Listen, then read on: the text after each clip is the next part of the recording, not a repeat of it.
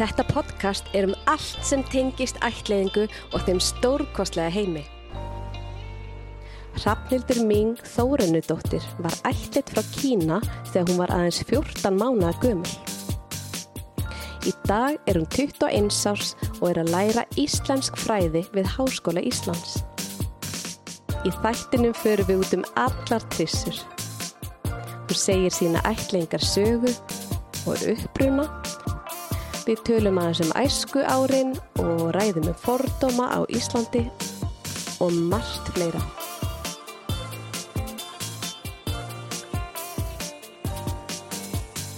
Hrafnildur er háskólanemi og hún er ótrúlega einlæg og skemmtileg.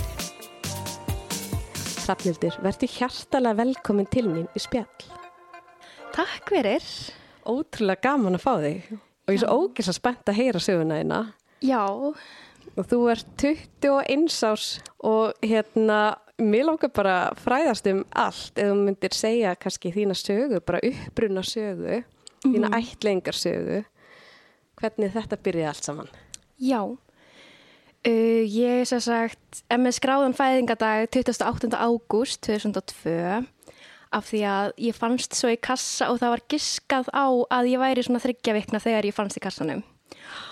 Og þaðan, já, kassin var sem sagt skilin eftir fyrir utan gamalt eh, barnaheimili sem að var hægt að verða barn, eh, vera barnaheimili og því var það var búið að breyta því í elli heimili, eitthvað svo leiðis. Þannig að- Ok, þú byrja með trompi. Já. Ég er bara strax komin í sjokk. Býttu, oh my god, varstu Og- skilin eftir í kassa? Já. Og ég veit ekki nákvæmlega hvað upplýsingar fylgdi í þessum kassa eða hvort það hafi verið einhverjar til að, eða yfir höfuð.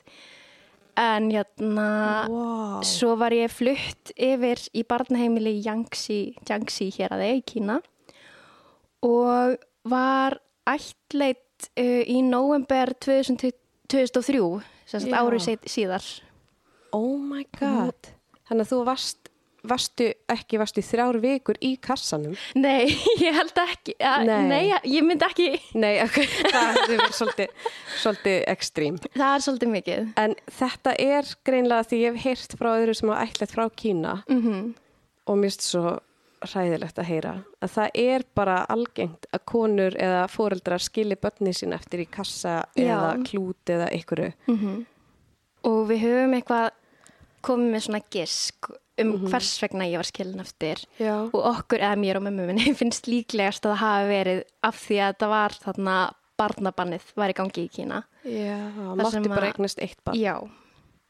En svo sem vitum það ekkert, en Nei. það er svona okkar Na- gisk. Já, vá, hvað þetta er ótrúlegt. Já. Hvernig finnst þér, svona, hvernig líðið með þetta að vita að þú varst bara skilin eftir í kassa?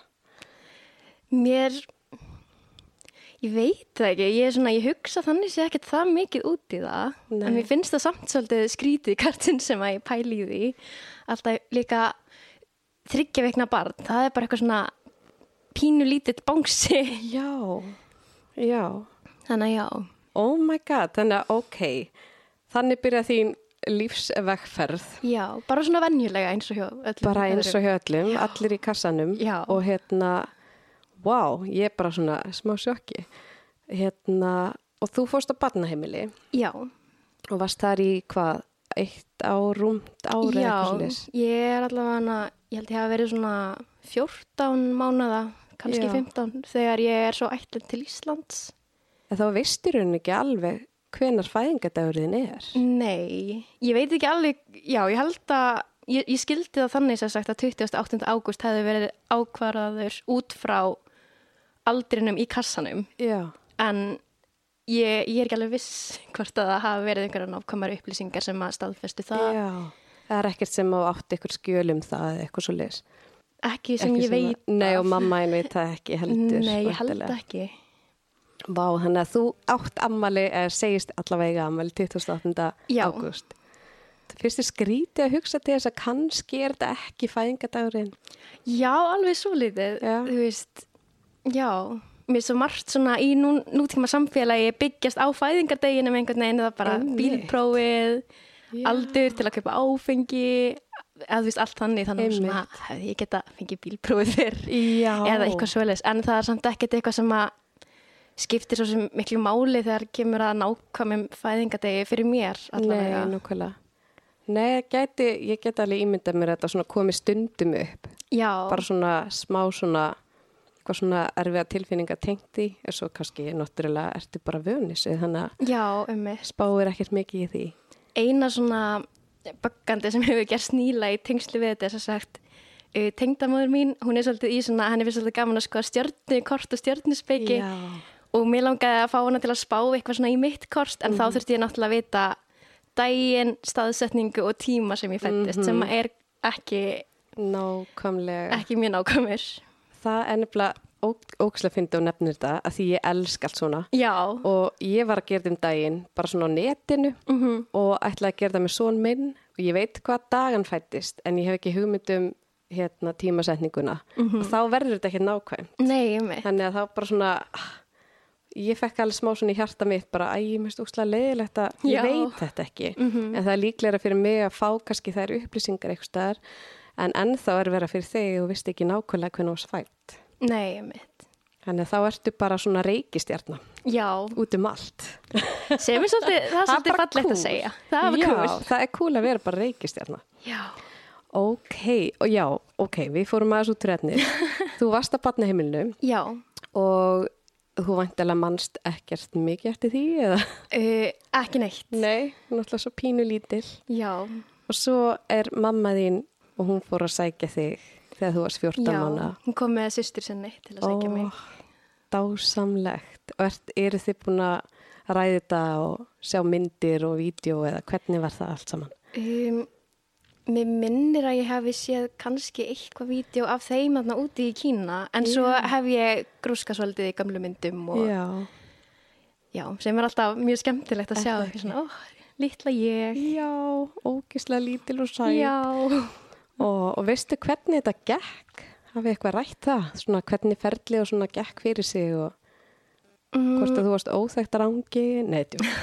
hvernig gekk hjá þér og hvort þú varst eitthvað eiga erfitt eða viðvelt eða? sko, ferlið fyrir mömmu held Mhm. ég, hún hefur svo sem ekki drætt það mikið við mig, Nei. hún hefur bara sagt að þetta hafi verið mikil pappavinna sem ég trúi Já. mjög vel. Mm Um, ég hef spurt hana hvort ég hafi verið erfitt barn. Hún sagði nei, en bara svona eins og maður myndi búast við af ætlitu barni. Já, já. Um, ég lasi mitt einhverju svona greinaðurinn í kominga til að rifja upp hérna frá því það var svo sagt ekki viðtal við hana 2003 eða 4 já. stutt eftir að ég kom heim allavega og þá segir hún að ég hafi mótmælt kröftulega fyrstu sólarringana en tekið svo við mér og Já, farið að venjast. já.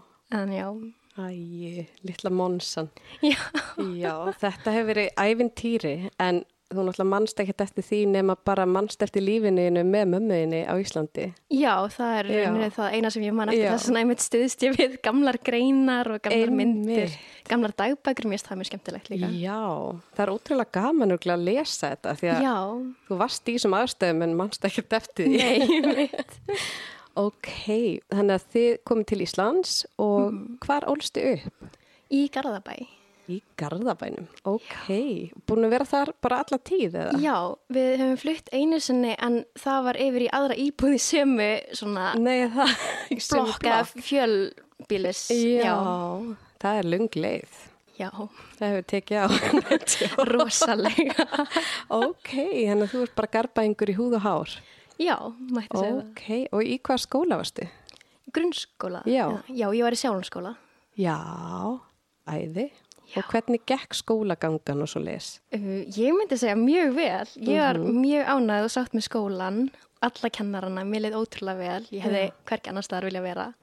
Og ég man þegar ég var lítil og var í sér sagt fimm ára bekk hjá hjallastefnunni og ég, við keiriðum alltaf fram hjá sjálfanskóla og ég var bara, ég vil fara í þennan skóla, þannig er svo margir litir af því það er svona litir utan á skólanum. Já, æði. Og ég fekk að fara, ég, ég var þar öll árin. Það, æði dásamlegt og bara ótrúlega glöð og Mjög.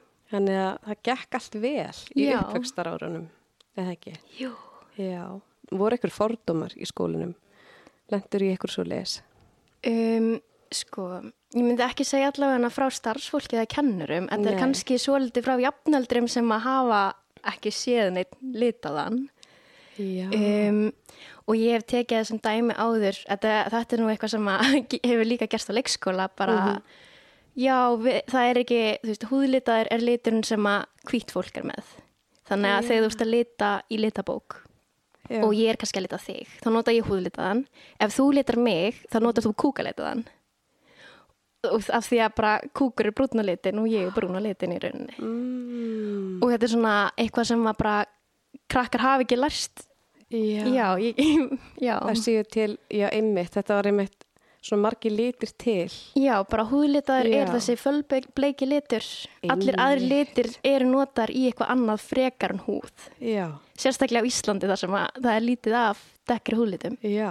Og svo er að koma svo miklu meira, nú er þetta orðið miklu meira fjölbreytt samfélag, en ég man eftir þessu sko, sjálf, þegar ég verið í skóla, það var bara húðlitaður og það var bara undatekning að maður hefði séð svarta mannesku. Já, um, eða dökk- dekkri mannsku og maður var alltaf voða svona spenntur og fannst þetta var merkilegt já.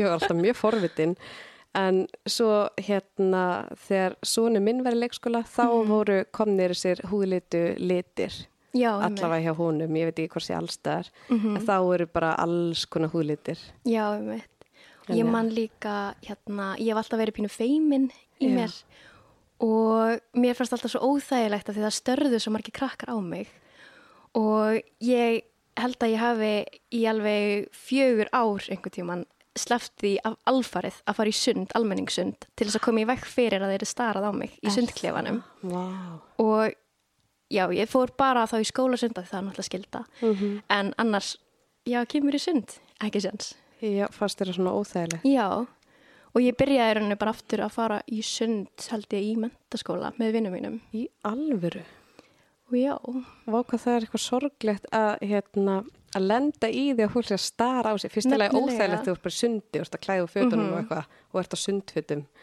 Bara óþægilegt yfir höfuð ef einhver er að Já. stara á mann, sko. og svo hef ég líka talað um það áður og svo segir fólk um mig svona já, en af hverju segir ekki bara tilbaka eitthvað, þú veist, hvað viltu taka mynd eða eitthvað svona reynir að vera fyndin. Já. En ég vil bara vera þarna til að vera til að vera þarna. Já. Ég vil ekkert fara að spjalla við ókunnugt fólk þegar ég er nakin. Nei. Sundklefa, Ha, viltu það ekki? Nei. Já, þetta er svolítið skrít. Ég er svolítið skrítin. Mér finnst það. Ég myndi bara að fagna þessu. Já. oh my god. Þetta er samt svo, þetta er ótrúlega merkilegt. Mm -hmm. Heldur að sé bara fólk sem svona ógæsla forvitið. Æ, ég veit ekki, svo náttúrulega getur þetta verið svolítið fordómalegt, sko. Já, Maður ég held veit að það ekki. sé svolítið bara svona forvitni og svo fannst mér það Forvitni. bara, æ þú veist, það er pínu óþægilegt þegar það er starað á mann alla daga Já. alltaf og maður fær svolítið Já. leið á því en ég skilða það samt svo vel þegar þú he- ert að sjá eitthvað nýtt sem þú hefur aldrei séð á þér og þú finnst merkilegt og forvitnilegt. Hvað ert að fara að gera annað en að horfa að því, ég menna, Einmitt. Og ég myndi, já, mér myndi finnast það mjög óþægilegt. Já. Ég myndi hef sko, já, bara ekkert sambærilegt, en einu sinni byggu í New York Mhm. og ég fór í lest. Og þegar við fóru svona ofalega eins og hérna Bronx og þar, þar Mhm. sem mm er mjög mikið að dökku fólki. Og ég var í lestinni og því ég var eina hvítamannisken í lestinni. Já. Þá var ég bara svona, ok, ég er núna að upplifa mig eins og að því það var starað á mig. já, Ég var bara stór förðuleg þannig með að við alla hinna og mér fannst það mjög skrítið og mér Já. fannst það óþægilegt. já, einmitt, Þannig, að- en þetta er ekki sambarlegt, þetta er náttúrulega bara nokkur skipti sem að maður fór í lest og lendi því, sko, lendi Já. því, eða var í þessum aðstæðum og mér fannst það skrítið, þannig að maður Mhm. bara svona rétt getur ímynda sér hvernig er að vera manneskja sem að er aðlist upp við þetta á hverjum degi. Hvernig fannst þér þú upplýru sjálfa þig? um, sko það að vera brútna þú veist, eða ætlet er ekkert eitthvað sem að ég hugsa um á hverjum einsta degi en Nei. bara sérstaklega þegar ég er með sama fólkinu, alltaf umkringt sama fólkinu, vinum mínum Mhm. í skóla eða í frístundum og þá er, þú veist, það skiptir einhver mála því þetta er bara það Mhm. venjulegt. En svo fer maður kannski aðrar aðstæður sem maður gerur ekki á hverjum degi eins og sund eða, uh, já, ég veit það ekki, en Mhm.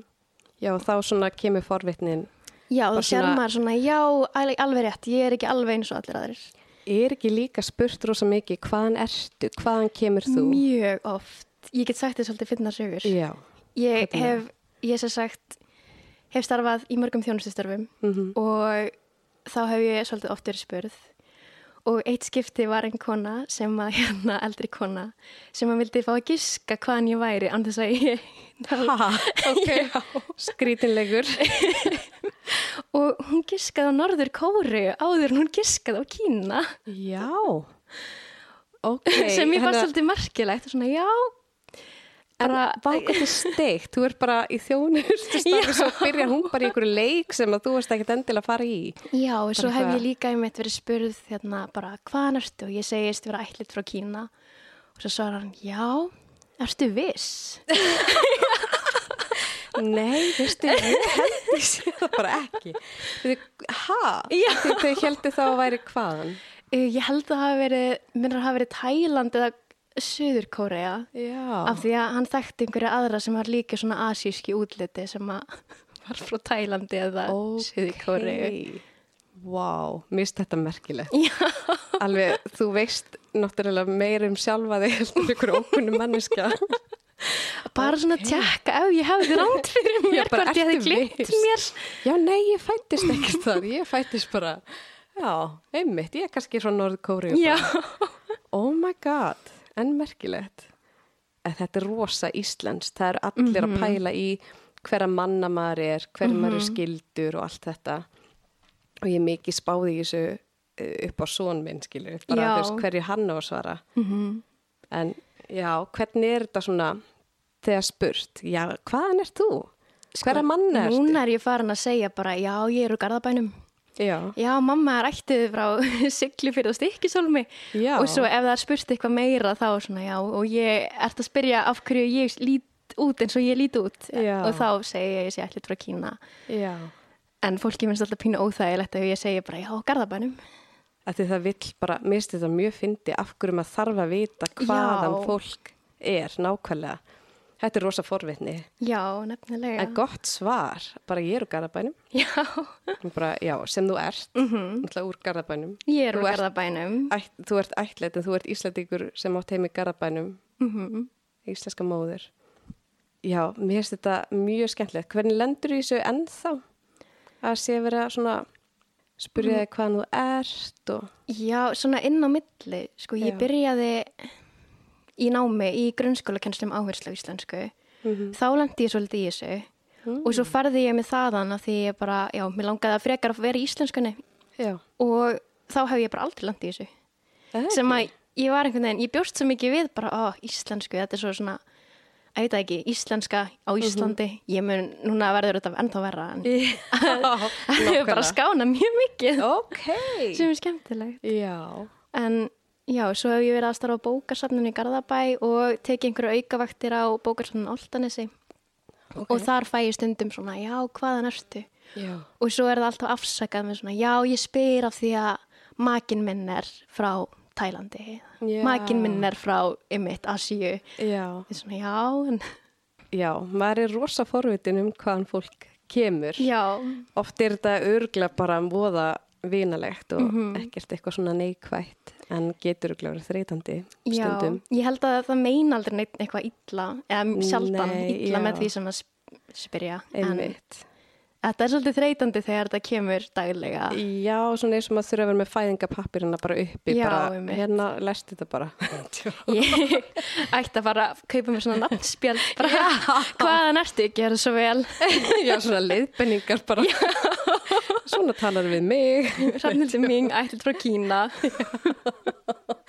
Ok, það er, það er góð hugmynd, þetta er business hugmynd Já. fyrir alla ætlitaðan úti. Nei, Já, 50 Bara- krónur nafnspjaldið. 50 pr- Já, en hérna að því þú varst náttúrulega ætleitt og þau voru vantilega í hóp að ætlega mörg börn, eða skilur þau, Mhm. Já. Mhm. fóru þannig, þannig var það í Kína. Mm varstu þá í ykkur svona sambandi við systur eða bræður? Segjum að systur eða bræður eða bara vini eða vinkonur eða... Um, þetta hefur alltaf, við höfum alltaf kallað þetta Kínasistur Já, og erum sérsagt í hóp. Mér hefur alltaf fyndist það pínu böggand að segja Kínasistur já, og mér, mér langar að segja frekar vinkonur. Þetta er bara vinkonur, Já. frekar en eitthvað svona, að ég veit það ekki, eins og ef þú ert fætt í Reykjavík og þú kallar alla sem eru fættir í Reykjavík og setið tímabili Reykjavík sýstir. já, það er reykja ykkur dætur, rappljómsettin sko. Já, Þannig, tjú, þið geti gert svona rappljómsett kínasýstina. já, Ógeðslega cool. nefn, Já, góð hugmynd. já. Já, kínasýstur eða kínavinkonur. Já. Eruð þið með svona náið samband? Við vorum uh, alltaf árlega með útilegu og við, mamma heldum vöflubóð líka árlega en svo svona fjaraði það eða bara út af því að allir eru uppteknir búa á sitt hverjum landslítanum það er bara erfitt að Já. halda í þetta Mm Mhm. -hmm. og já, en það var uh, já, það var svo sagt hittingur um daginn, ég komst því mér ekki á hann en Já. þannig að þú veist að við erum ennþá að reyna að halda sambandi Mhm. og þekkjumst en þá allar þótt að þessi kannski séum ekki jafn nánar og vorum Já. einu sinni Já, hann að náðist alveg svona þegar voru litlar að Já, að hittast meira og þannig. Já, maður svona oft pælt í því hvort það væri eitthvað svona sérstakt svona uh, mikilvægt fyrir alla að hafa svona tengingu við aðra sem hafa svipan bakgrunn mm hvort að hérna þeir sé eitthvað leitast í stuðning eða eitthvað svoleiðis, eitthvað sérstaklega. sko mér er alveg fínt að þekka aðra sem að koma eftir hafa svipaðan sögu og segja og ég en já, þetta bara, við höfum aldrei einhvern veginn eftir að fóra slitnur sem vöflubóðum og Já, tjald útilegum þá, já, held sambandið einhvern veginn ekkert það mikið og þörfin kannski ekkert endilega til staðar. ekki eitthvað til að ræða sérstaklega, Nei. þú veist, fortíðina. Nei, Nei, ég held ekki. ég er ekki með fortíða fundi. Dramatist. Ok, ná vöfli búið með fortíðarfundi. Já, ok, hvert eru komnar? Nú er ég að hugsa. Við vorum komnar með, já, fordómanir þeir eru ekki miklir, sem betur fer. nei, mitt. Og í dag, að því mér finnst svona pínu í umræðinni og svona, þá finnst mér þetta vera aukast. Mm Fólk t- á það til að tala á ennsku við mig Já. að fyrra bræði Já. sem er kannski svona aðal dæmið sem er í gangi núna Mhm. sem er pínu slæmt af því að flestir eru betri ennsku en ég þannig að Já, þá þú á ert líka ég að læra íslensku. Já, það er ástæða fyrir að ég fór í íslensku Já. og svo byrja ég að tala eitthvað svona með ógeðslega brengluðum reym. hreim. Já, og þetta verður bara til að vandræðileg samræða. Oh my en God, ég er svo já. vönus einhvern veginn, þannig bara já, kannski, kannski er þetta bara ennskumælandi einstaklingur. Já. En svo er ég kannski í verslin með kærastanum mínum og aðlinn talar svo íslensku við hann. En ég er einhvern veginn svo vönusu, þannig að ég pæla ekkert í því. Honum finnst þetta ótrúlega kjánalegt, honum finnst þetta bara vandræðilegt í hvert einasta sinn sem þetta gerist. Þetta er það. Já, og svo hugsaði ég mitt, ég held að það hafi verið í fyrra, eða hitt í fyrra sem ég var einhvers staðar út á landi og ég bara einhvern veginn bjóst við, bara já, nú munu einhvern veginn allir tala ennsku við mig og svo ta- fór ég, já, ég fór að kaupa svo sagt eitthvað í matinn og einstaklingurinn talaði við mig á íslensku og ég var alveg bara lengi, vá, Vaka hann bara talaði íslensku við mig og ótrúlega. svo fattaði ég náttúrulega eftir bara, af hverju er þetta svona merkilegt, Já. þetta á að vera normið, þetta... Nákvæmlega. Vá, pælt í því. Þetta var svona Já. frávik bara. Já, bara vá, það einhver sem að þekki mig ekkert og byrjaði bara að tala íslensku við mig Já. út á landi þar sem að túristar koma. Já, nákvæmlega. Já, þannig að þú varst í grunnskóla Mhm. og svo fórst yfir í mentaskólan Já, og þá fórst í hvaða skóla fórstu? kvennaskólan. í Er Reykjavík. það? Já, Ég var líki kvennó. Ó, er oh my það? god, ég elska kvennó. ég líka, ég er Ó. svo ánað að hafa farið Það þangað. er geðveikt indislega skóli, sko. Já, Varst ekki glöð? jú, bara elskaði alla kennarana. Já. Svo næs, bekkarkerfi, ég fór Já. þangað út á bekkarkerfinu. Ég líka, ég bara hefði dáið í hin, hinnu, sko. Og þetta er svo dásamljur andið þarna Mhm. og ok, og varst það þremur eða fjórum árum? Þremur, Já, ok. ég held ég hafi verið annar að þriðja árgangun sem upplöði Já. styttinguna, formlegu styttinguna. Ég var svo mótið þessu styttingu. Já, ég er ekkert eitthvað sáttist við hana en eftir á higgja hefði ég samt heldur ekkert vilja vera eitt ári í viðbót mér langaði svolítið bara alltaf að komast áfram Já. en mér finnst samt að það hefði átt að vera fjögur ár stýttingin að, já. Ah, Já, já að þetta er svo mikilvæg ár, það sem verður að hafa gaman og kynnast fólki og vera svona aðeins sjálfstæður Já. einhvern veginn. Ég held að það sem hafi haft áhrif á mína upplifun með það er að ég var einmitt COVID-árgangur líka en ef það hefði ekki verið þá hefði ég öruglega alveg verið til í að vera eitt ári í viðbót og Já. Svo er líka verið að byrsta held í niðurstöður úr- úr einhverju rannsókn frá, gö- úr gögnum frá HÍ Já. sem, kem, þar sem kemur í ljósa bara brottfall eftir, í háskóla eftir hérna þessa stýttingu er Mm töluvert harra. Já, ég get trúið því. Heldur en Fólk fyrir. er bara ógeð. Já, Það er pásu.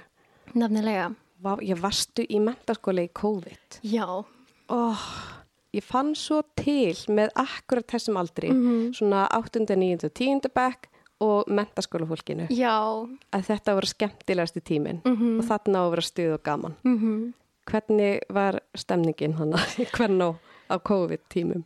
um, það var alveg reynd að halda í eitthvað en þetta, það er svolítið erfitt að gera allt í gegnum Zoom og Teams. Jésús, já, voru tímatnir, þið voru ekkert að mæta mikið í skólan eða? Uh, nei, ég hérna, nei, þetta var mjög mikið eða bara í gegnum netið, minna mig. Já, maður er búin blokkið Svo- út, sko. Já, nefnilega, ég vil ekki mun þetta. Þetta hljómar er svo ógesla langt síðan, en það er bara, þetta var bara klárast 2022 eða eitthvað. Já, ég útskrifaðist úr Kvenna 2021 fyrir Já. þremur árum, tæpum. Einmitt. En var þá hægt að kynast krökkum og svona, Um, almenlega? Sko ég, hérna, COVID byrjaði þegar ég var á öðru ári. Okay. Þannig að við vorum orðin alveg bekkur Já. Mhm. og með vinum fyrir og svo leiðis. Það Og er náðum alveg að halda einhverju sambandi gegnum neti þannig. Já. En ég get ekki ímyndað mig hvernig það hefur verið fyrir busa. Nei, Að koma nákvæmlega. bara í mentaskóla, sérstaklega fyrir þá sem að mættu fyrir félagslífið og svo er bara COVID og þú Já. hittir engan. Nákvæmlega Alltaf- ekkert félagslíf. Já. Sýtt, hvað það er leiðilegt. Hræðilegt. Alltaf svona fjár félagslíf. Já. fjár björkvöld. Svo þú veist, þetta er alltaf víslega vandræðilegur fyrsti dagur, svo verður hann alltaf lægi degi nummer Já. tvö þegar maður er á staðunum en Já. þú hitt, þú nærðaldri inn almennilegu spjalli gegnum netið við Nei. blá ókunnugan einstakling. Það er bara vandræðilegt. Já, Og svo bara fórstu beint yfir í HÍ. já, Þú er bara æst. já, ég er æst ég metta mig. Ok, næs. Og þú er bara búin með hvað mikið séru. Um, sko, ég á tvær annir eftir. Já. Þetta er pínu flókið af því að ég fór úr kennaranáminu þegar ég var búin með eitt, um, þrjú miseri. Ok. og já, þannig að ég er að taka þetta á pínu hraðferð núna, íslenskuna Að þið er svo æst. já, ég er svo æst Sorry, ég er svo að brusast hérna. Já, þú er mjög æst típa. já, En gaman. Og hvað stefnir á að, að starfa við? Ertu eitthvað að pæli því? ekkert ég er bara enga hugmynd Ég ætla ekki að starfa við neitt. Nei, ég ætla, ég ætla að vera atvinnulegs stúdent Okay, mér líst vel á það með fimm háskólagræði. já, Ok, frábær framtíða plön. já En að ég framtíðin bara- er björt. já, ég, ég er búin að ákveða að fara í framhaldsnám Já. uh, já, og eftir það veit ég ekki Hvað ætlar þið framhalsnám? Ertu búin að ákveða Um, það? Mér langar í íslenska bókmentafræði og mér, ég er mjög mikinn áhuga núna allavega á miðaldabókmentum. Já. En mér finnst þess að ég sé alltaf að skipta um skoðun. Já. Þannig að ég, þetta er ekki 100%. Nei, maður má líka skipta skoðun. Já. Og það er það er beautyið við lífið að maður á alltaf að vera bara að gera sem er fyrir skemmtilegt. Nefnilega. Eða, það er allavega hægt að gera það. Já. En spennandi. Nú langar mér rosa að spyrja þig mm. Mhm. að því ég veit að þú er búin að fara til Kína. Já. Hvena fórstu, fórst þú og mamma en til Kína? Eða hvernig var það? Já, við fórum tvær til Kína 2011. Þá var ég Ok. nýja ára. Varstu í nýja ára? Já, ég var í Ókei. fjóruða bekk. Og hver var, hérna, var þetta bara ferðalega því eitthvað langaði eða? Já, sko, ég man svo lítið einhvern veginn eftir því sem gerðist fyrir þessa ferð. Ég man Já. eftir þessari ferð allavega. En ég man ekkert svona eftir aðdraðandanum en mamma segir að þetta hafi verið eitthvað svona því mig langaði að forvitnast um upprunan Já. og þá hef, hafi hún bara ákveðið já, upprunaferð, það er Já. já, svo fengum við, sem við fengum mjög mikið út úr En spennandi. Já. Þannig að þið fóruð, vi- hver, hvernig, segðu mér bara allt um þetta ferðalag. Ég er spennt að heyra. Já, um, við fórum í þess að þrjár vikur Vá, og ég fekk frá skólanum svona litla dagbók til þess að skrifa á hverjum degi sem ég á ennþá, ég ætlaði Nei. að koma með hana en ég bara komst ekki æ, hversu það. dásamlegt. en jæna, það er mjög gaman að fletta í henni inn á milli Já, dýrmætt Já, að gera mjög. þetta. Já, og ég er svo þakklátt skólanum minn það því ég hef aldrei skrifað neitt niður ef þau hefðu ekki sagt mér bara þú, einmitt. þú verður að skrifa fyrst þú mætir ekki skólan Já, Svona, já, auðvitað vá, svona heimavinna. Já, mér finnst það svo gaman. skemmtilegt Já, og um, við gistum hjá einhverja nætur hjá vin, vinkonu mömmu svo Ok. vorum við líka á hóteli eða hótelum og við vorum með hérna tólk og bílstjóra til þess að fara svo í, held í eina viku til þess að fara og skoða alla staðina já, og við fórum sér sagt og skoðum barnaheimilið ok. og staðan það sem ég fannst í kassanum Nei, oh my god. Já. Ég fæði bara svona gæsa húð. Og hvernig, manstu hvernig upplifuna var fyrir þig? Ég man, um, mér varst ótrúlegt, ég meina að bara magnað að komast uh, já, á barnaheimilið. Já. Er erfitt að komast þanga í heimsókn eða? Ég man það ekki, um, en ég man bara, mér varst, það var tekið svo vel á mót okkur Er það? og mér varst það svo fallegt allt Já. einhvern veginn þarna og svo voru ennþá stelpur á barnaheimilinu sem við Starfsmenn? sáum. Nei, bara börn Já.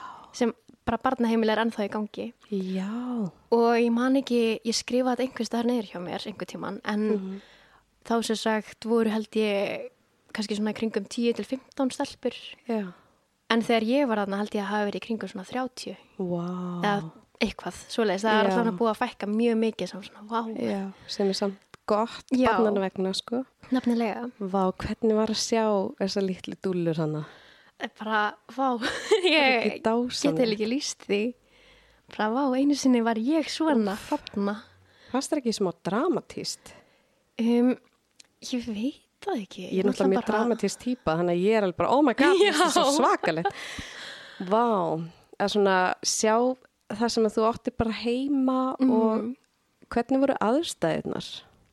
Um, ég man að þetta var svona frekar stórt, en kannski ekki, frekar svona, já, bara rými eða herbergi og svo voru þetta bara ein vagga fyrir hvert barn Já.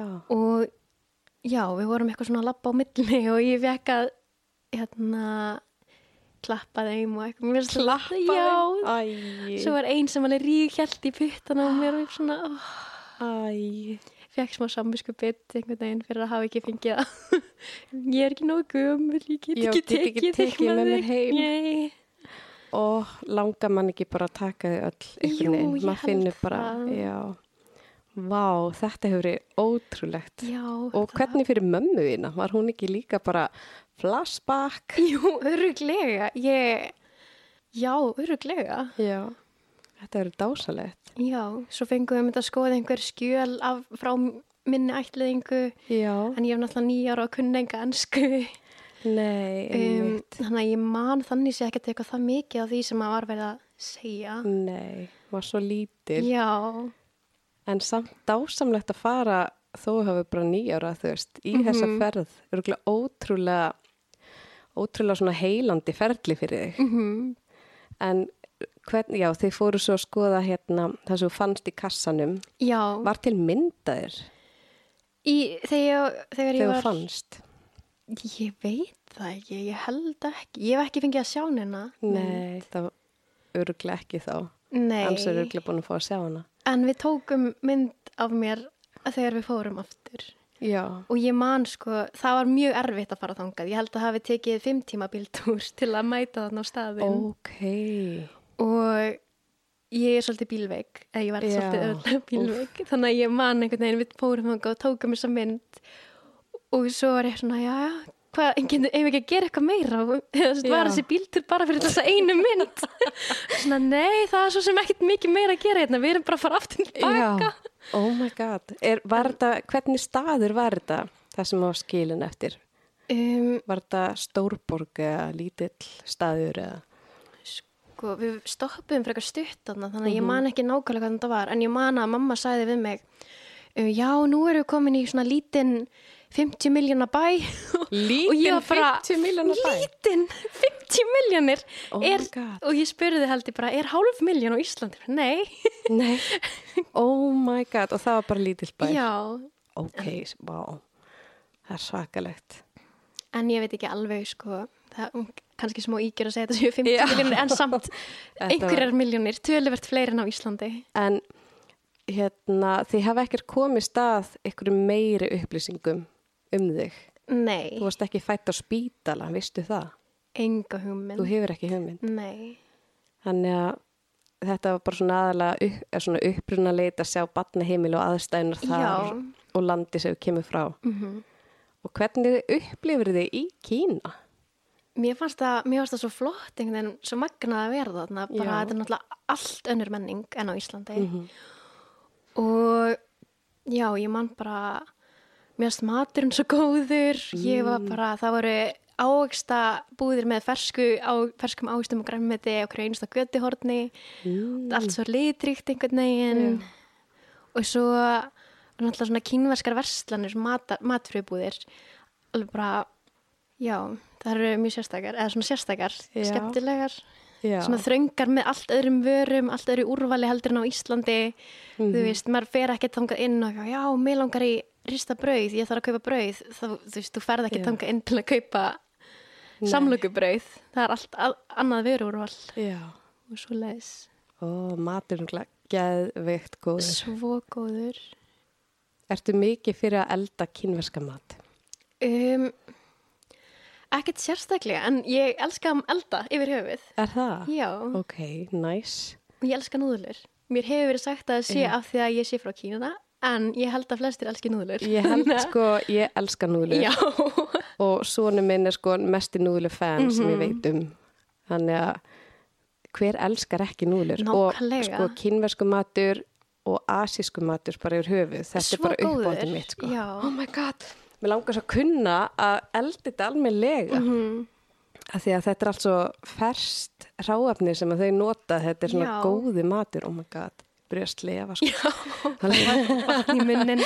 Já, að því að svo er allir svo grannir og fytt annað. Já, Mér finnst það svo magna með við hvað þeir eru að borða. Af því að Mhm. flesti borða óksla mikið í Kína og mikið að núlum og mikið að svona hrísgrónum og öllu.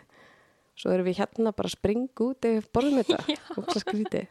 náttúrulega lifum á saltkjöti og Já. einhverju svona sölduðum hrútspungum. Já, það er eina sem við borðum hér.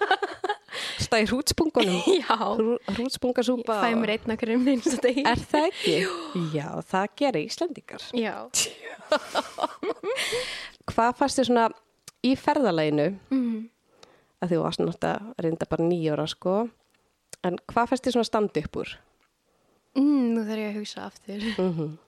er takaði aftur í tíman Já. Um, við fórum í einhvern svona túr, manni, þar sem við skoðum, um, við fórum í svona tesmökkun já, og svona silki, svona versmiði eða já, eitthvað. og við sáum hvernig svona silki var að toga til og ég Ó. fekk lítinn svona kjól á mig. silkikjól Já, svona Ó. kínverskan sem var svo fallegur og hvað var það, það var eitt, í- jú við skoðum líka hérna leir hermennina, Já. svona stýttunar sem að voru, e, s- já, mér ótrúlega varst magna það það, svo flott. er ótrúlega merkilegt fyrirbæri Já, líka því ég hafði heyrst um það áður og Mhm. það var einhvern veginn svona, svo, bara sjá þetta í alvegurinu, Já. bara vá, það er svaka saga ég mitt í Kína já.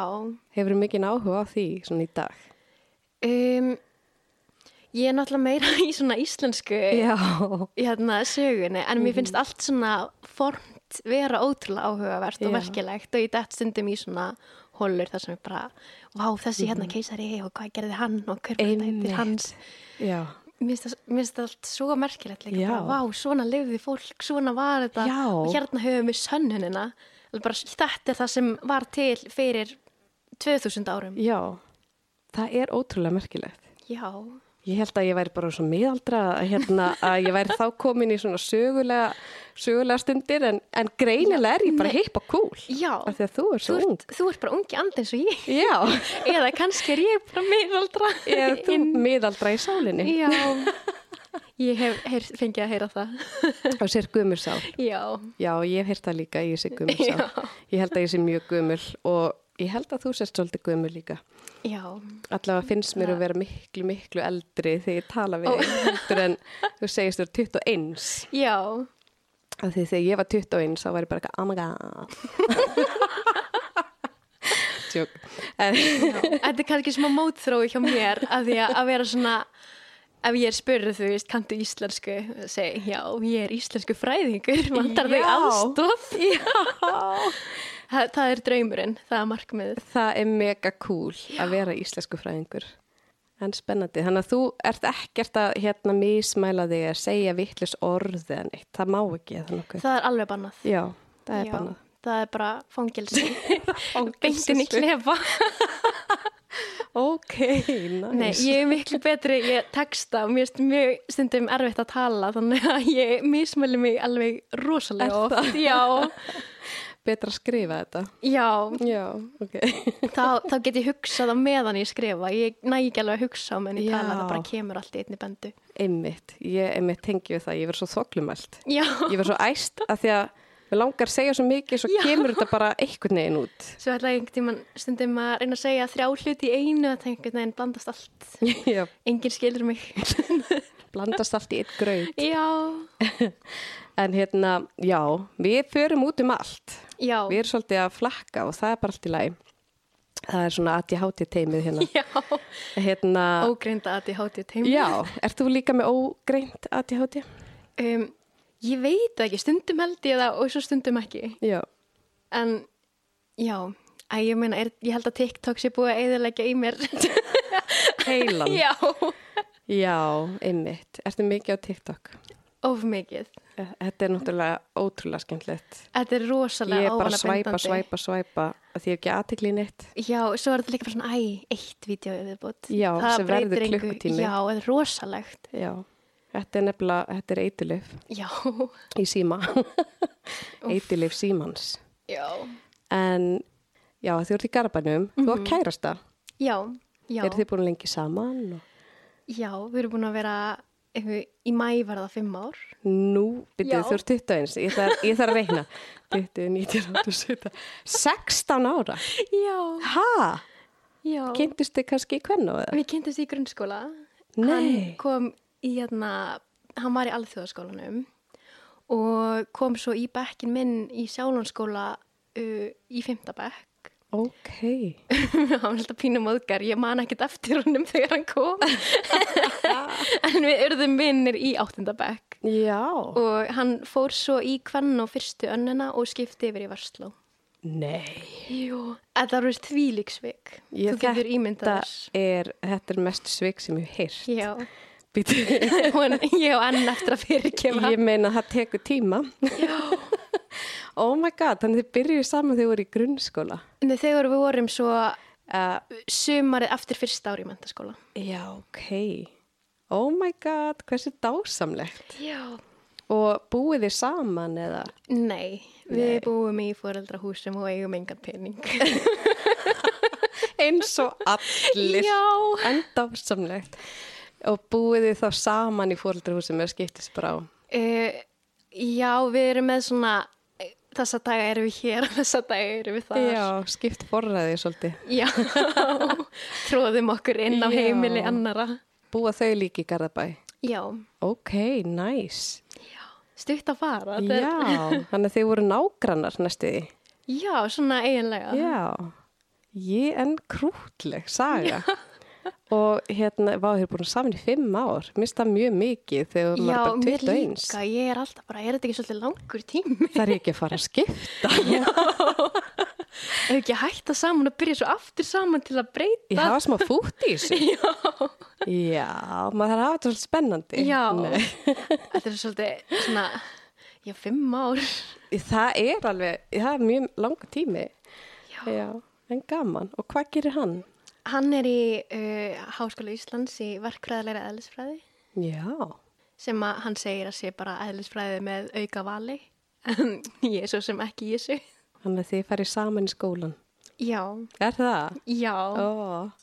en hérna svona þegar maður hugsa það svona tilbaka því nú hefur svo mikið áhuga á svona tengslum og bara svona uppruna afleðingum uppruna og áfalla og svo leis hvernig var svona varstu kvíðið barn varstu mjög mikið kvíða eða aðskilna kvíða eða- Mjög. er það Já, ég hef díla bæði við kvíða og já, aðskilnaðar kvíða. bara síðan Ég- þú varst lítil Já, ég held það í rauninni. Og ég hef alltaf verið svolítið svona introvert líka já sem ég held að tengist einhvað. svona óryggis svona inn í já. þér Og svo er ég einhvern veginn, ég held að ég sé eitthvað með smá félagskviða líka en ég er svolítið í svona fake it till you make it. Mhm. já, maður setur upp grímuna Já, bara nei, nú, nú fer ég þangað ok, vel sem að er gert mjög erfitt en ég reyna að gera það. það er um, ótrúlega vel gert að gera það Takk. af því það er ógeðslega erfitt þegar maður er með félagskviða Mhm. að fara í aðstæðunar Já, þá er það sigrast á kviðanum þannig já, en eins og hérna bara svona mannst eitthvað eftir því hvort þið hafa verið eitthvað voða hrætt við eitthvað sérstakt eða upplifa eitthvað sérstök áföll eða eitthvað svona drama sem við getum talað um til þess að hafa þetta smá dramatist já. Um, nú þarf ég að byrja að hugsa. Sko, ég ólst náttúrulega upp hjá einstæðri móður sem að er í stjórnmálum. Já, Hún var í uh, hrun stjórninni nei, og þannig að hún var alltaf svolítið mikið í burtu þannig að þá er ég svolítið hjá ömmu og afa. já, í pössun og alltaf þegar hún þurfti að fara til útlanda á ráðstöfnir og svo leiðis þá mann ég, mig dreymdi bara hún mun að slisi, hún mun ekki koma aftur ég verð bara ein og já. ég las einhvern tímann ég komst ég var eitthvað að skoða skúfunar inni hjá mömmu og ég fann bref sem stóð Rafnildur Ming Þórundóttir og ég hugsaði bara þetta er til mín og ég opnaði það og þá var þetta sem sagt svona ef ég fell frá áður en hún verður átján þá brr, oh my god, og ég hugsaði bara, hún er að fara að deyja bara, og ég man ég grét svo lengi yfir þessu um nætis og bara hún er að fara að deyja og ég er að fara að vera bara einhvers þar annar staðar og ég vil það ekkert Mhm. hvað, með, hvað með að þau kom bara hingað og ég bara sá fyrir mér allar mögulegar já, svona ham, útgáfur af- hamfara hlýðan já, Shit, en svo náttúrulega er ég orðin meir en átján og hún er ekki búin að deyja nei, en, En- en orglega erfitt að hugsa svona já, þetta var mjög kvíðavaldandi Vá, líka því að eh, óttinn svona rótin, þú varst náttúrulega skilin eftir, þú varst Mhm. Já. að batna heimili og varst rifin þaðan mhm til ókunnugra konu í runni Já. sem er mammaðinn og svo ertu að læra að treysta henn og tengjast henni og þá óttin við að missa það allt. Þetta er svona djúbstæðir ótti sem að Mhm. Já. festist oft í börnunum eða fólkinu. Mhm. -hmm. Þannig að mér er bara áhugavert að vita hvort að þú hefur eitthvað upplifað eitthvað svona eins og varst að lýsa Já. bara þessa hræðislu. Þetta er í rauninni þessi djúbstæðir hræðislu um að missa Mhm. það sem þú eignaðist. Já, mitt. Og ég tengdi þetta ekkert saman fyrir, en, fyrir kannski svona max fimm árum. Og Einmitt. ég held alltaf bara, það er eitthvað að mér af hverju ég hugsa ég svona. Já. Og bara af hverju er ég alltaf svona kvíðin, af hverju finnst mér svo allir sé að fara frá mér. Og Einmitt. svo fekk ég að læra bara, þetta er mjög algengt hjá ætlutum börnum. Já. Vá, hvað þetta er gott að heyra að segja þetta. Já. Að þetta er bara rót kvíðan hjá þessum börnum Já. Mhm. og fullornum og þetta fylgir bara alla æfi í rauninni. Já, Svona afleiðing, ætleiðingar, svolítið. já, einmitt. Ég held að ég verði alveg alltaf að glíma með eitthvað svona smá, einmitt, aðskilnar kvíða inn í mér. Já, er En- það ekki? Jú, en ég er alveg að reyna að vinna í því. Já. Varstu, fegstu eitthvað svona uh, meðferð eða aðstóð eða svona þegar varst lítil eða úlingur? Uh, í fymta bekk fór ég til sálfræðings með mömmu Mm-hmm. Mm. sem að svo sagt uh, vinkona, góð vinkona mömmu minnar uh, stýtti sér aldur og það var margt búið að vera í gangi á þessum tíma líka bara í fjölskyldunni Mm þannig að við fórum til sálfræðings og svo fannst mér einhvern veginn bara sálfræðingurinn vera að spyrja skringar, fyrðulegra spurninga Já. og ég sagði bara, æ, ég nenni þess ekki en svo fór ég aftur, byrjaði ég aftur að fara ég held að hafa verið í úlinga deild í grunnskóla Mhm. og já, ég er ekki núna akkurat að fara bara því það er mjög Nei. Já, það er bæði mjög dýrt og ég er í of miklu námi til sama tíma fyrir það. Já. Og ég veit ekki alveg hvað ég hefði að tala um. Ég hef stundum hugsað bara, ætti ég að fara til hennar bara til að uppdita. Segja henni, Segja já, henni- ég er ennþá með gautam. Vastu Ég, tí. já, þetta er staðan á náminu mínu. Já. Gaman að hitta þig. Nákvæmlega. Oh my god. En sem betur fyrir þá er þetta ekki að hafa þannig áhrif á þig að þetta sé hrjáðir svona í daglegu Nei, lífi alls ekki. og kvíðin sé það mikill. Nei. Það er hérna, nærða að hafa heimil á þessu. Uh, já, þú veist, kærastan minn hann er mjög, mjög þólanmaður og mjög næs, Mhm. alveg bara magnað, Já. ótrúlega góður um, og ég vil halda því fram allavega að ég sé orðin miklu skárri þegar kemur að, að, aðskilnar hveða núna, þannig að Mhm. allavega eins og staðan er í dag, þannig að þetta er ekkert eitthvað sem að ég hugsa daglega um lengur. Nei. En, En- en finnst þér ekki gott að hafa, þú veist, þú veist af hverju. Jú, um leiðum að veita breytti bara. svo miklu fyrir mig Já. þá var bara já ok, það er ástæða það getur verið ástæða, það, þetta er ekki bara ég að vera skrítin og ofhugsa út af engu Einmitt. og já, og svo fekk ég, mér leið mjög illa í hérna uh, úlinga deildi mitt og fyrstu árum mentaskóla og þá fór ég reglulega til sálfræðing sem hjálpaði Já. mjög mikið Já. Var það það bara svona tilvist að kreppa og úlinga dæmi Svo mikil eða- tilvistakreppa. Er það? Já, mér finnst þess að ég hafi farið í gegnum bara eina tilvistakreppa hverju ári. Ég er Já. alltaf bara, það er einmitt, alltaf að skipta um skoðin, bara er ég að gera rétt, hvað er núna? Já, svona eins og sérst að gera eitthvað vittlust. Já, það er svona eins og ég kannski sé ekki að fara neitt í lífinu. Mér langar svo að koma svona einhvern góðan stað í Já. lífinu og svo er ég alltaf svo hrættum að ég sé alltaf bara först sem námsmaður. Vá, er Svo- samt bara 21 Já. og átt allt lífið framöndan. Já, og svo fæ ég að heyra það reglulega einmitt að fólki í hugvísundum Mhm. fái aldrei starf við neitt merkilegt.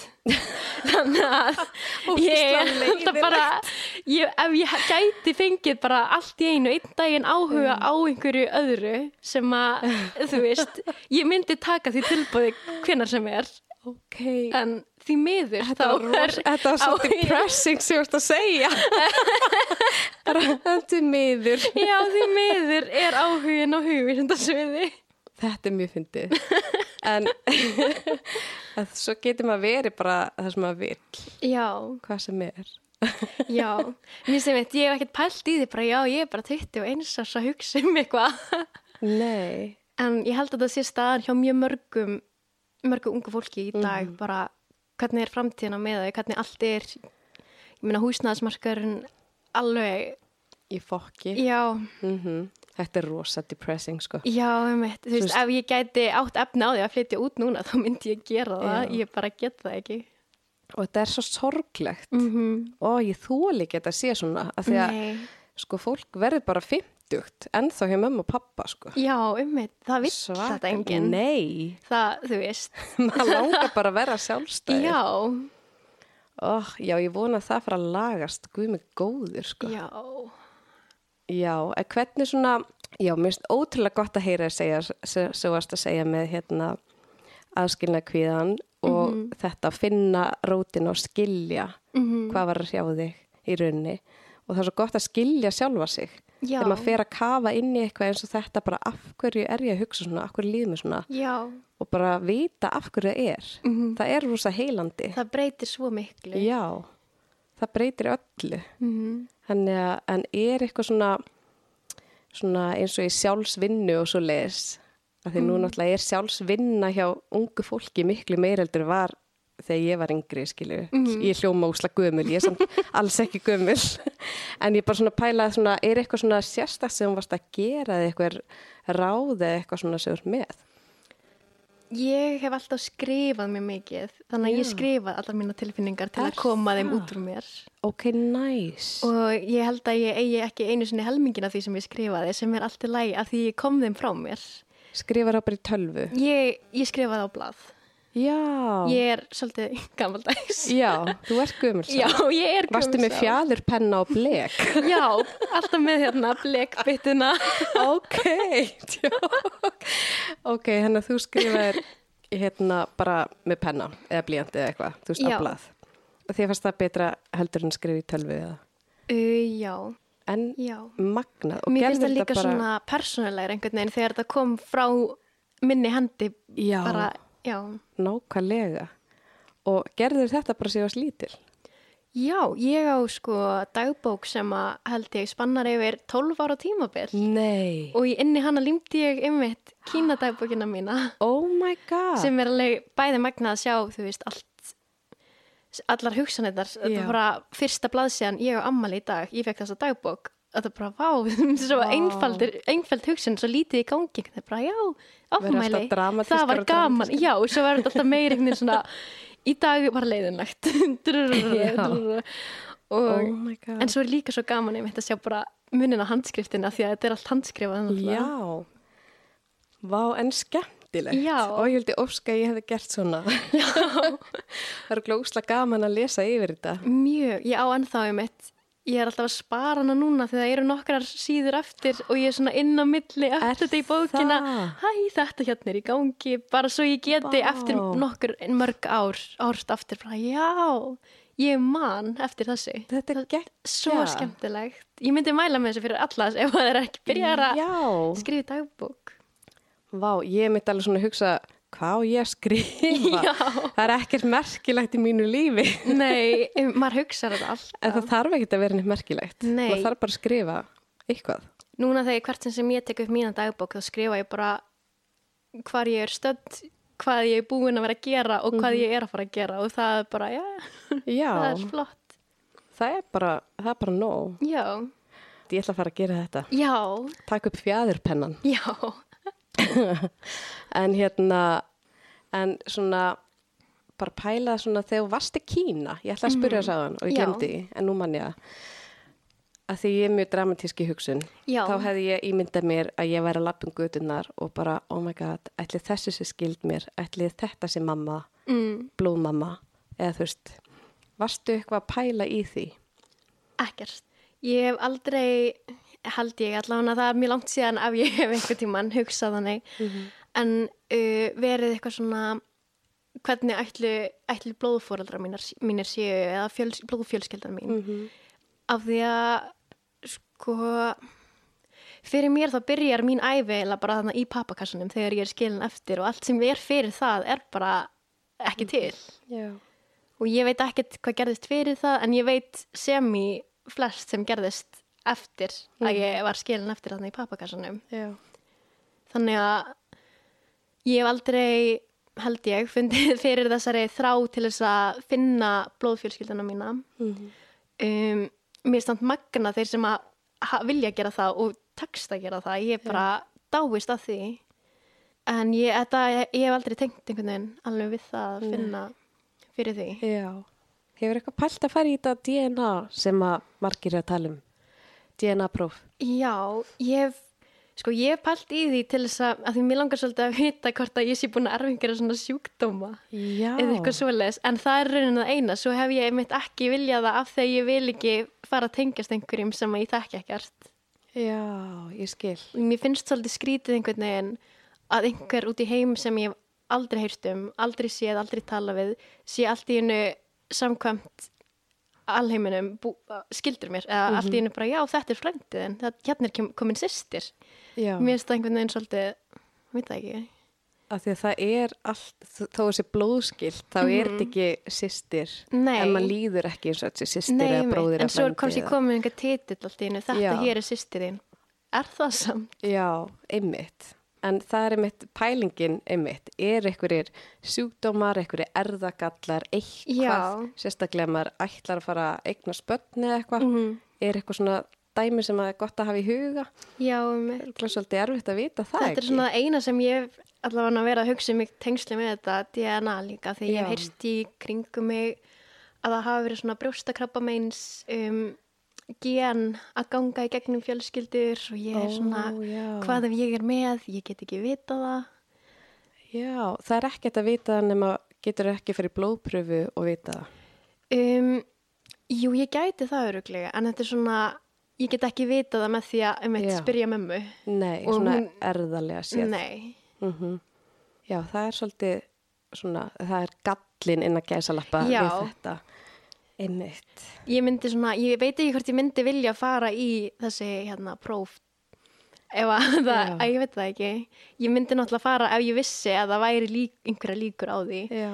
en ég hef einhver hugmynd hvort að ég sé að fara að lítið út eins og einhver hálfviti sem að er og að hugsa Já. alla, heilsug alla eitthvað Já, einmitt, já, nákvæmlega að fara í smá svona Já. kvíða var, varandi það. Æ, ég verða að panta test í allt sem er mögulega eigið Já. allt sem getur verið að mér með að Nákvæmlega. tjekka Tjekka á sig öllu. Já, Þannig að þráin hefur ekki verið til staðar að vita hver er Nei. blóð þetta og blóð hitt og, nei og eitthvað.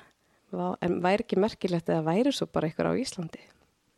Jú. Það væri mjög dramatískt. Það væri mjög dramatíst. Ég er öll í dramanu. eins og Já, heyrist. það væri Bara svona, magna. da-ra-da. En hérna, já, áttu sískinni?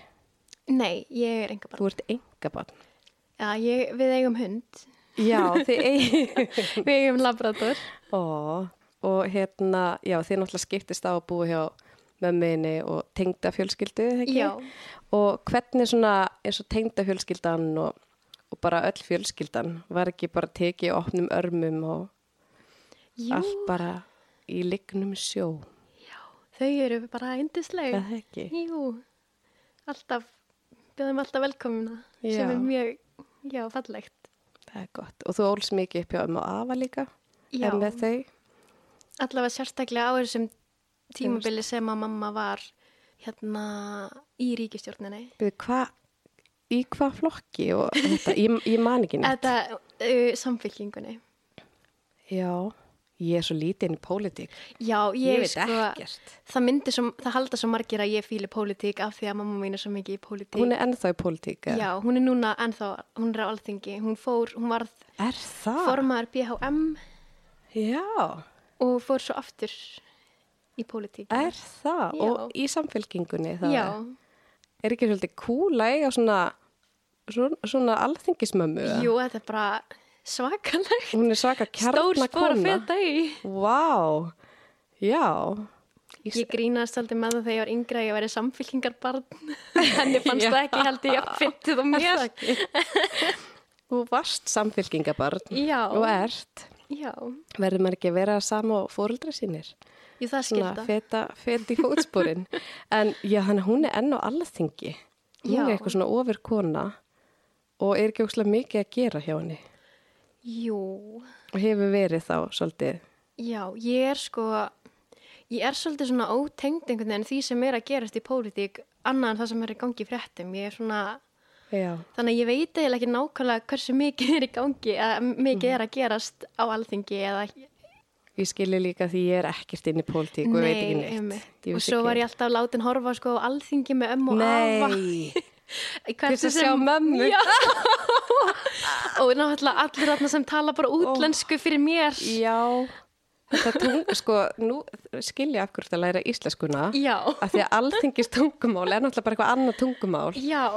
Þannig að þú verður að skilja hvað er að tala um. En svo er mitt, ég held að þarna komi inn þessi gamla sál sem ég er í dag. Ég Já. hef flettað þurr í gegnum í mitt dagbókina mína og ég er sjö ára að skrifa bara, nú er klukkan fimm, gengin kortir í sjö og ég sit hér og ekkert svona útrúlega formlegur text fyrir sjö ára krakka og ég verið bara, hvað var ég að hugsa þegar ég skrifa? Vá, örgla með alþingi í sjónvarpinu og stað fyrir að horfa á teiknumyndir, það bara alþingi, ding, þessi bjalla. Þetta var þarna. alþingi landin hjá ömmu og afa. Vá, það hefur verið stemning. Svaka menningarlegt. svaka menningalegt svolítið cool Já. úr þekktur að vera svolítið cool eða ekki Jú, hipp og cool. það er ég. hipp og cool Ég man að það var alltaf bara, hvað þýðir þetta? Þú skilur það þegar þú verður stór. Og svo segir Geir, há hortið þarna í sjónvarpinu Guðblessi Ísland. Oh my God, og já. þá er mamma, ég held að þá hafa hún verið einmitt í ríkistjórn. Og ég Oh. fór stundum með henni á alþingi í mötuneytið að borða. oh, Og ég spurði Geir á horti og Jóhannu Sigurdóttir, uh, hvað, af hverju sæðir þú? af hverju sæðan þetta? akkur, hvernig gæstu sagt þetta Já, bara hvað þýðir þetta? Hvers vegna varst að segja þetta? já, hvað sagði hann Æ, æ, ég held að hann hafi sagt eitthvað svona, þú skilur þetta þegar þú verður stór. ok, Og svo sagði Jóhanna eitthvað svona, já, sko, þetta er af því að Ísland ásöldi bátt núna. og ég talaði, ég talaði um þetta við mömmu um daginn og hún var einmitt bara, já, ég man eftir þessu, hún vissi ekkert hvað hún ætti að segja við blessa barnið. Oh my god, Ísland á svolítið bátt núna. Já, æ, Vá, hvað það er svo fyndið að segja. En mjög fyndið að þér að vera eitthvað, af hverju varst að segja þetta? já, Já, við þurfum að ljúka þessu. já. Mér langar samt að spyrja, ætlar að fara eitthvað tíman aftur til Kína? er Um, það á planinu? Það væri ótrúlega skemmtilegt en það er ekkert eitthvað sem ég plana að gera og ég held að ég væri alveg sátt líka ef ég, það myndi ekki gerast aftur Já. en það væri mjög gaman að kíkja aftur Já. fara í Asjur í þessu En svona- Oh my god. Hvort að sé eitthvað loka orð svona með, með svona ætlengar stemningu eða eitthvað svona ráð til yngri ætleitra innsteklinga eða Já uh, stay adopted. Tjók. Fáðu ykkur svona made in China tatt Oh my god, nennuru please. Ég Ertu hef ekki... pælt í því Er það? Ég er svo, sko, mamma tækið því svo illa Nei. Ég ætla, ég þor ekki Ég þor ekki eins og að segja henni hugmyndina Í alveg minnst það snill. Ég hugsaði þetta á sín tíma made in Iceland, made in China. Allir að fá sér tattoo. Já, Ok, minnst það geggja. Þú verður að fá þér það. Já. En já, svona fyrir alveglegu ætlitu einstaklingana Já. núti. sko mottóið mitt hefur mjög lengi bara verið þetta rettast, bara svona þetta Já. íslenska mottó. Já, Já, og það mun allt rettast. já, Algjörlega. Mun gera það. Herri, þá ætlum ég að þakka að kella fyrir að koma. Takk fyrir að fá mig. Ótrúlega gaman.